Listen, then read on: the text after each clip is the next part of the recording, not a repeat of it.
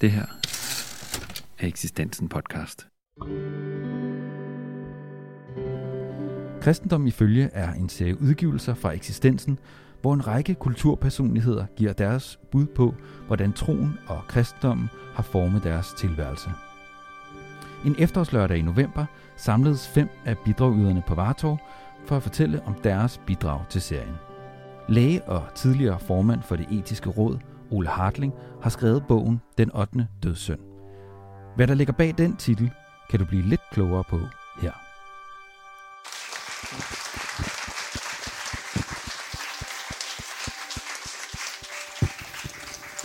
Tak for invitationen og muligheden for at i korte træk lave sådan en skitse eller synopsis af det, jeg har skrevet. Øhm, og jeg vil starte med at sige, at det begynder med magt. I vores tid mener vi, at vi har magt over liv og død, at, magt, at liv og død ligger i vores hænder. Men måske er det en illusion om magt. Der er jo vore, i vores dage mennesker, som for alvor tror, at de har magt over liv, at de kan kontrollere tingene, de skal spise rigtigt, lade være med at ryge, det er vigtigt, sørge for at gå til helbredstjek, screening og måske endda, og skal det hele taget tænke sig om, at hvis man gør det, så kan der nok ikke ske en noget ondt, tænker man uvilkårligt. Man skal jo bare huske at spise broccoli og lade være med at fortrænge sin seksualitet og sin vrede. Det skal virkelig gøres. Og man skal motionere nok. Man skal løbe sig til sundhed. I gamle dage, der kunne man sidde og sunde sig. Men altså magt, det er vores tid. Præsident Kennedy blev spurgt, hvorfor vi er til månen, og så sagde han, because we can. En stærk præsidentiel bemærkning. Og det lykkedes så seks år efter hans død. Han var ikke med, øh, slet ikke på månen. Ja, det ved vi faktisk ikke. Men øh, der var jo den her forberedte replik. A small step for man, a giant leap for mankind. Men altså, det var begrundelsen nok, at vi kan. Der var ikke noget bør her, og etik er jo også med et kældenavn bør lære. Læren om bør, hver gang vi siger bør og burde, så er vi inde på det etiske. Men vi er også inde på hovmodet. Der er noget hovmodigt over replikken, because we can. Jeg synes, han var meget fortræffelig præsident. Han har jo en, han næsten kultagtig stolling, men altså, han var et barn af sin tid også, hvor teknologien havde udviklet sig, så han har, kan sig ikke lade være med at sige, at det er forklaringen på, at man skulle til månen. Men vi aner altså hovmodet. Og så er vi inde på det der med dødssynderne. Der er oprindeligt syv af dem. Øh, middelalderens dødssynder, der var hovmodet den første og den største. Grundlæggende for de andre, man har beskrevet det med et, et træ med stammen, som er hovmodet, og så er de andre dødssynder grene på det træ. Og vi kan godt tage dem nu. Det er hovmod, griskhed, utugt, misundelse, froseri, vrede og dogenskab. I vil ikke blive hørt i det. De er faktisk lidt svære at huske, og de er måske også lidt glemt i vores tid. Øh, hvis vi nu tager hovmodet først, så ved vi jo, at det står for fald. Det hedder det i ordsprogenes bog i det gamle testamente. Og H.C. Andersen fortæller om hovmodet i sin, sit eventyr om bogveden. Et uvær jager over landet, men bogveden bøjede sig slet ikke som det andet korn. Det knejsede, stolt og stiv. Bogveden struttede af hovmod, står der. Og det går som ventet. Bogveden udslettes. Og piletræet fortalte om bogvedens stolthed, overmod og straf.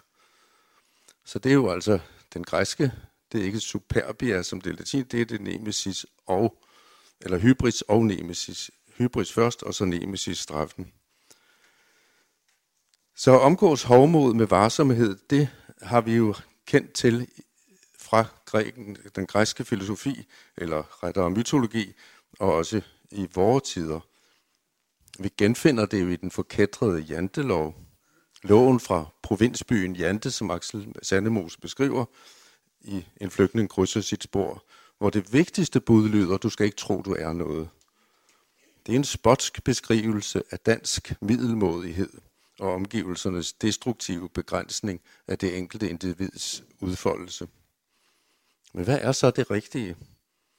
Hovmod er en dødssynd, men på den anden side synes vi ikke, at janteloven skal gælde i vort land. Vi ønsker, at vores børn skal være frimodige, assertive hedder det moderne udtryk, tror jeg nok.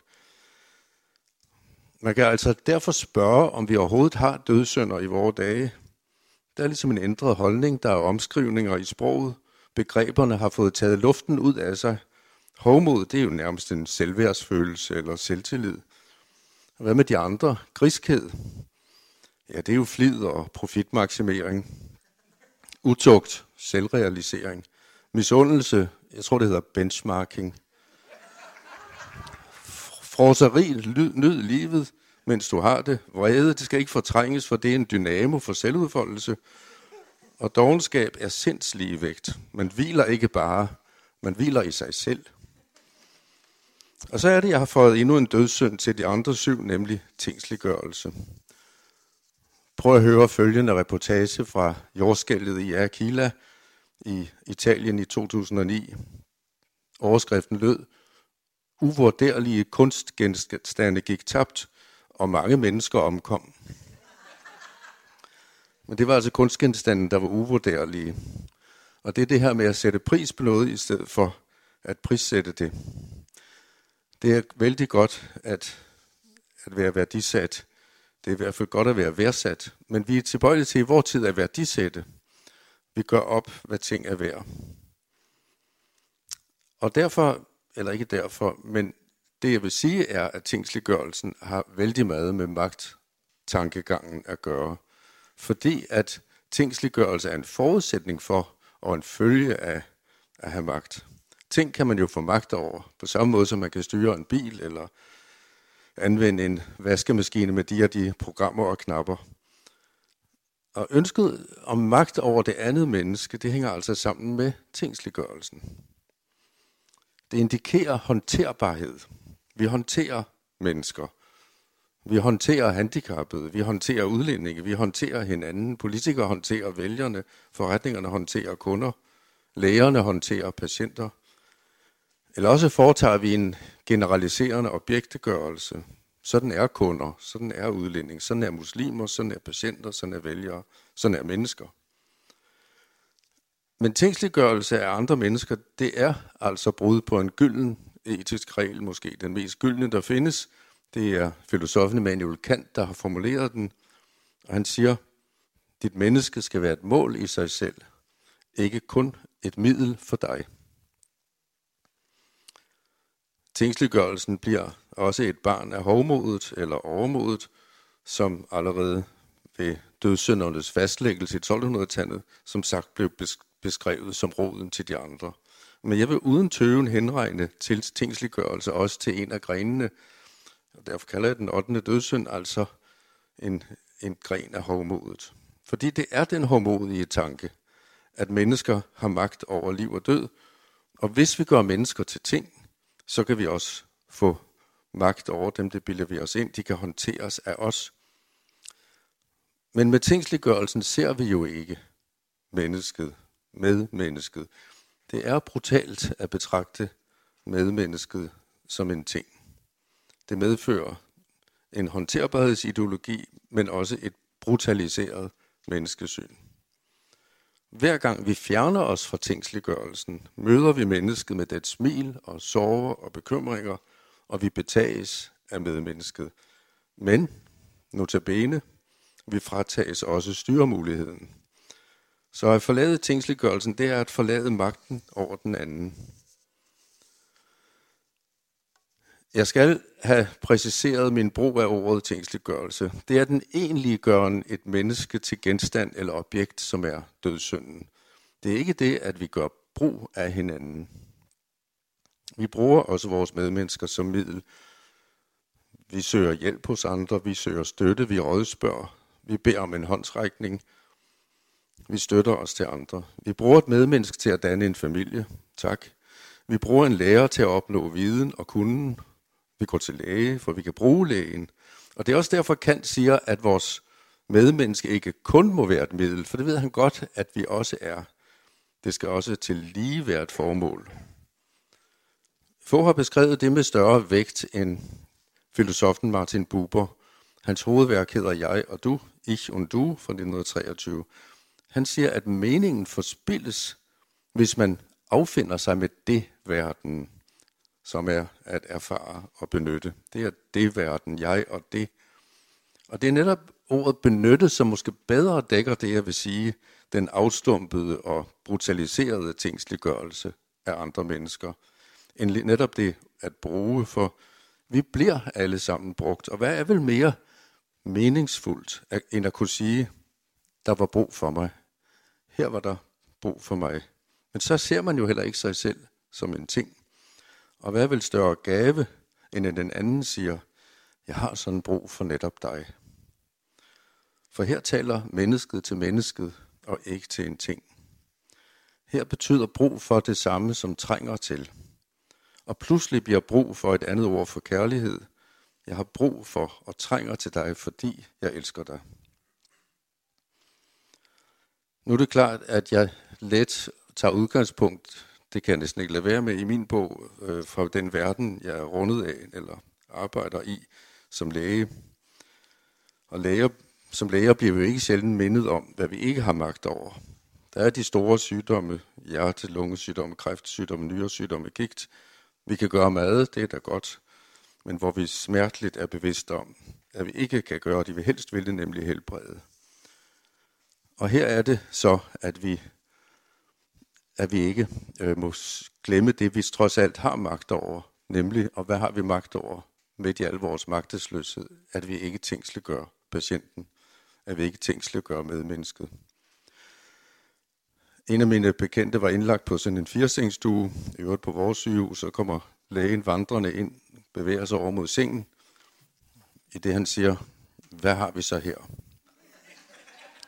Og det er selvfølgelig, fordi han er ved at orientere sig i den journal, han ikke havde forberedt sig på. Men det er ordet hvad, og hun blev stødt over at blive kaldt hvad, har vi så her. Eller lægen, som går hen og undersøger pulsen i fødderne, for at se, hvordan kredsløbet har det. Ser lidt skeptisk ud og går videre, uden at lægge dynen tilbage.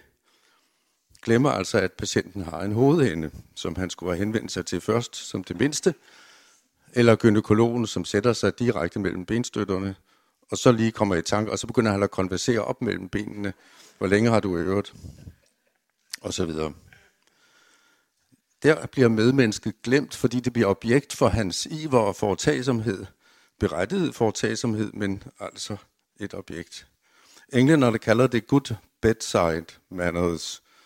Og det kunne vi oversætte med takt og taktfølelse – og i virkeligheden bliver etik så til det lille ord etikette, øh, som jeg tror er langt vigtigere for den enkelte menneske, patienten, end den opstyltede deklarationsetik og de store øh, UNESCO og verdenserklæringen og menneskerettigheder, al den etik, som vi sådan kan skrive pæne øh, paragrafer om. Etiketten er langt mere afgørende for, om patienten føler sig som set menneske.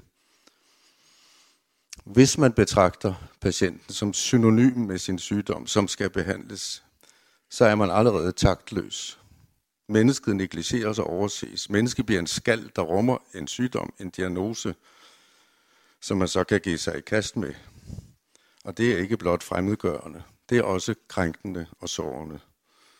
Man kan høre replikken, der ligger en pneumoni på stue 12, en lungebetændelse på stue 12, eller er blindtarmen lagt til at sove, så jeg kan operere nu. Patienten bliver sin sygdom. Der sidder en finger på skadestuen, som jeg skal se på. Men der er altså en herr Petersen, som har denne finger. Det bliver glemt.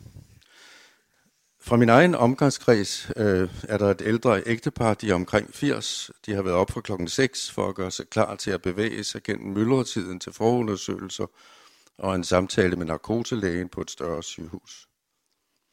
Hen og eftermiddagen sidder ægteparret stadig i venteværelset på det større sygehus, lettere udmattede. Pludselig kommer en sygeplejerske til, sige, til syne og siger, jamen sidder I her endnu? Narkoselægen er gået hjem klokken to. De bliver så bedt om at møde frem den følgende dag til den vigtige samtale. På ny tidligt op til myldretid og ventetid. Og så om sider berammes den det ambulante indgreb til den følgende uge, men dagen inden aflyses operationen, der bliver dog ringet, øh, på grund af kapacitetsproblemer, som det hedder. Det krymper sig i en at høre om den skødesløshed, der udvises med hensyn til andres tid og kræfter. I venteområdet, som de efterhånden kender godt, der kan man trække kaffe i en automat. Det koster ikke ret mange kroner. De har råd til det, men det virker mere banegårdsagtigt end gæstfrit. Og der er informeret om behandlingens bivirkninger. En af dem er smertende fingerspidser, hvor huden skaller af og huden revner. Patienten er et ydmygt menneske. Patient betyder tålmodig. Han har nækket. Men sygehuset kender ham ikke. De ved ikke, at han i sit voksenliv har været pianist. De er heller ikke interesseret, eller det er ikke interessant i forhold til sygdommen. Og så pludselig møder de en sygeplejerske eller en læge, som lytter, som viser indlevelse, som er nysgerrig på, hvem er de, som kommer dem i møde, som lægger sig på sinde, som tager sig af. Det kan de også berette, og det er tydeligt, at de berører os af det. De bliver med et varme, midt i alle vanskelighederne og smerten. I mit bevidsthed dukker billedet op af en sol, der ligesom bryder gennem skyerne. Men på en måde sætter sådanne gode oplevelser, som de også kan fortælle om, det hele i perspektiv. Det viser jo, hvor destruktiv tingsliggørelsen er. Og samtidig er det overraskende, hvor lidt der skal til, og hvor meget det betyder. Tingsliggørelsen er, som jeg sagde, en forudsætning for magt, og en følge af at have magt. Vi får magt over ting, fordi så ser det ud til at blive håndterbart. Men udover udøvelsen af magt, er der endnu en konsekvens af den 8. dødssynd. Fortingsliggørelse medfører, at rationel tænkning, altså det vi kalder fornuftstænkning, fremmes på bekostning af irrationel tænkning. Der tales hjernesprog frem for hjertesprog, og det er jo selvfølgelig metaforer, men vi har ligesom de her to videnscentre. Det ene er viden 1, det andet er viden 2. Det ligger sikkert her, tror jeg. Og det er den måde, vi formulerer os over for hinanden. Og øh, Søren Ulrik Thomsen var inde på det, øh, at der er disse mere end en etage. Øh, så derfor hører tænksliggørelse sammen med rationel tænkning. Materialiseringen hænger sammen med alt, hvad der kan måles og vejes og ses og erfares og forstås. Og selv uafvejelige begreber som lidelse og sorg og smerte vil blive tilgået med en rationalitet. Igen fordi det giver fornemmelse af håndterbarhed og dermed mulighed for magtudøvelsen, som vi gerne vil. Men måske er det ufornuftige nogle gange det mest fornuftige. Hos Andersen fortæller om det i Nattergalen, om ting, om hvad der er vigtigt. Spillemesteren siger, tisser de mine herskaber, kejseren frem for alle. Hos den virkelige nattergale kan man aldrig beregne, hvad der vil komme. Men hos kunstfuglen er alt bestemt. Således bliver det, og ikke anderledes. Man kan gøre rede for det. Man kan sprætte den op og vise den menneskelige tænkning, hvorledes valserne gå, og hvordan det ene følger af det andet. Men hvem er det, der redder den døende kejser, så han kan møde sine forbavsede hoffolk med et godmorgen? Det er den lille grå fugl, som kun synger, når den selv vil, eller fordi den ikke kan lade være. Kærlighed og jubelsang kan man ikke tage med tang, sagde kumpel Piet Hein. Og ordet rummer en tanke, der er glemt i vores tid. Eller måske ikke glemt, men sådan holdt lidt adskilt fra vores rationelle, kloge tænkning. Forbeholdt noget som poesi og kunst og religion. For mennesket tænker som sagt også irrationelt. Vi er indrettet sådan, at vi med et billede fra radiofoni har mere end en bølgelængde at sende på, nemlig i hvert fald to forstandens og hjertets bølgelængde. Den jurastuderende skrev i et brev til sin udkårende, med hensyn til mine følelser for dig, henviser jeg til tidligere korrespondence herom. Og det kan være rigtigt nok, men det mangler en dimension, det kan vi tydeligt høre. Og nogle gange veksler de her bølgelængder hurtigt mellem hinanden. Hvis vi skulle bruge hjernens logik i hjertets anlægger, ville vi blive skeptiske. Hvis vi kunne beregne kærligheden, ville vi egentlig ikke regne den for noget. En logisk absurditet for hjernen kan godt forstås med hjertets bølgelængde. Jeg holder meget af sætningen, kun fordi jeg har dig, kan jeg blive ved med at klare de problemer, som du uværlig giver. Det er jo et paradoks, men det er også en kærlighedserklæring, som vil blive forstået, selvom den er meningsløs. Så hjernesprog og hjertesprog, man kan være nødt til at gå fra forstanden for at komme til fornuft, sagde filosofen Ville Sørensen.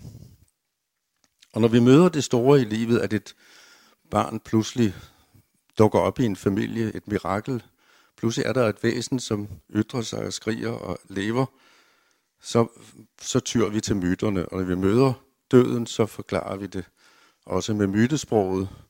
Øh, det var Grundtvig jo ikke mindst god til. Kom i den sidste nattevagt til en af mine kære strakter, sæt dig ved min side og tal med mig som ven med ven om hvor vi snart skal ses igen og glemme alt vor kvide. Ja, vi har jo fortalt børnene om storken. Tror du på den med storken? Lyder det ikke. Og en lille pige havde også fået at vide, at hun var kommet med storken af sin bedstemor. Så hvad så med min mor? Ja, hun er også kommet med storken. Og du bedstemor? Ja, mit barn, sagde hun så.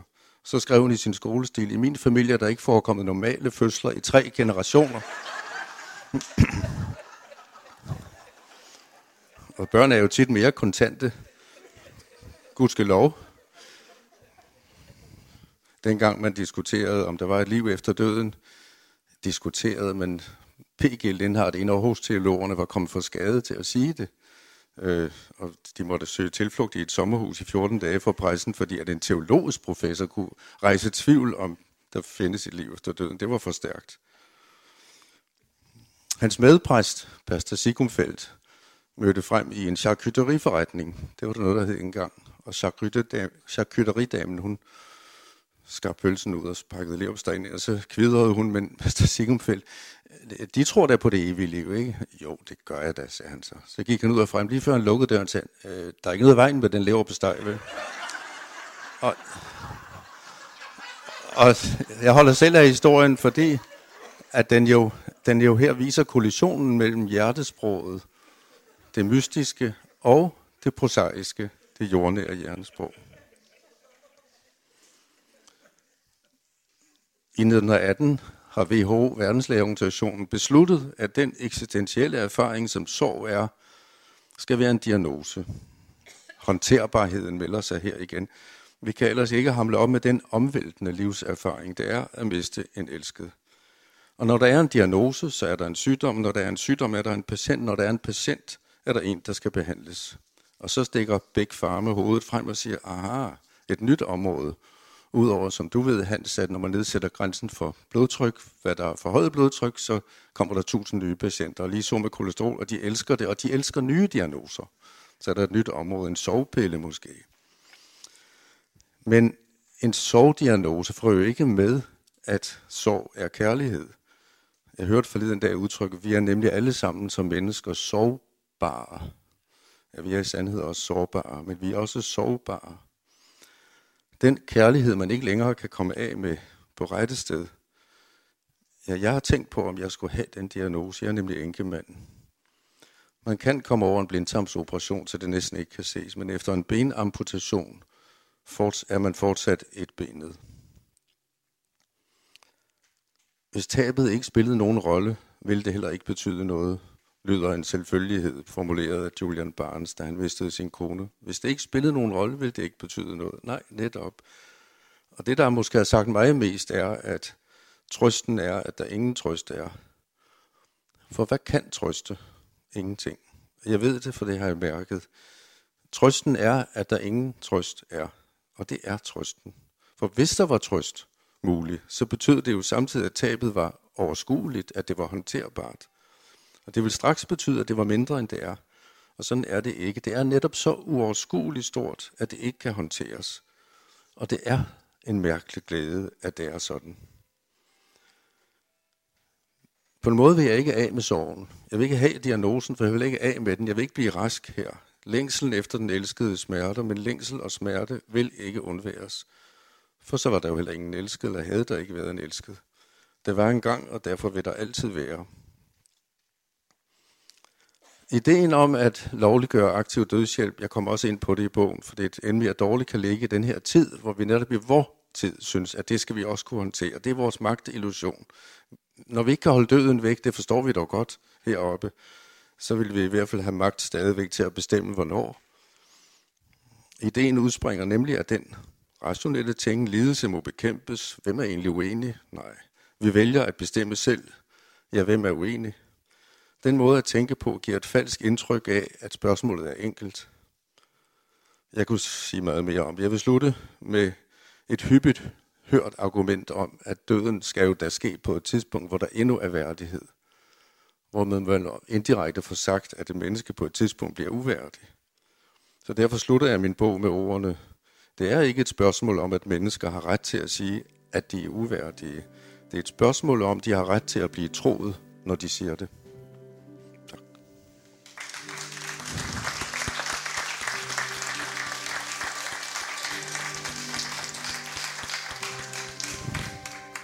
Kristendommen i følgeserien har bidrag fra blandt andre Niels Brunse, Anne-Katrine Ribnitski, Ole Hartling, Bjarne Lindau Henriksen, Søren Ulrik Thomsen og Lars Mul med flere titler på vej. Alle titlerne kan købes på eksistensen.dk eller spørg efter serien i din lokale boghandler. Tak fordi du lyttede med.